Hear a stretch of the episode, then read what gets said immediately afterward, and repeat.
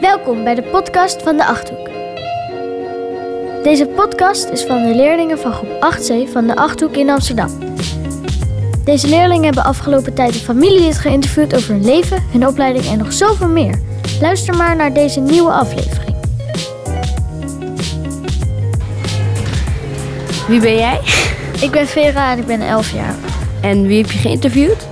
Ik heb mijn vader Vincent Vogelsang geïnterviewd. En waarom heb je voor hem gekozen?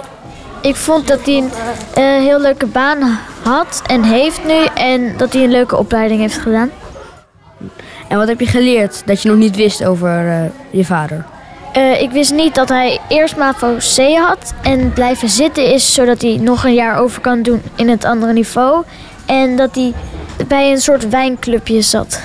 Mhm. En welk stukje ga je nu voorlezen? Eh, ik ga een stukje van mijn lagere school voorlezen. Oké. De schoolreisjes en kampen vond hij echt te gek. En hij vindt dat ze wel het hele schooljaar door reisjes mogen doen. Echt een ding.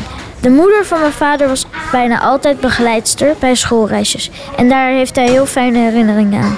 Ze gingen vaak lekker weg en dan zaten ze in grote tenten en huisjes met z'n allen. Soms werden ze dan in het bos gedropt en maakten ze kampvuurtjes waar ze rond gingen zingen en verhalen vertellen. De laatste avond van het schoolreisje heette de Bonteavond. Dan moesten alle kinderen in een groepje een verhaaltje vertellen of een toneelstukje opvoeren, waarvoor ze ook zelf kleine kostuums maakten.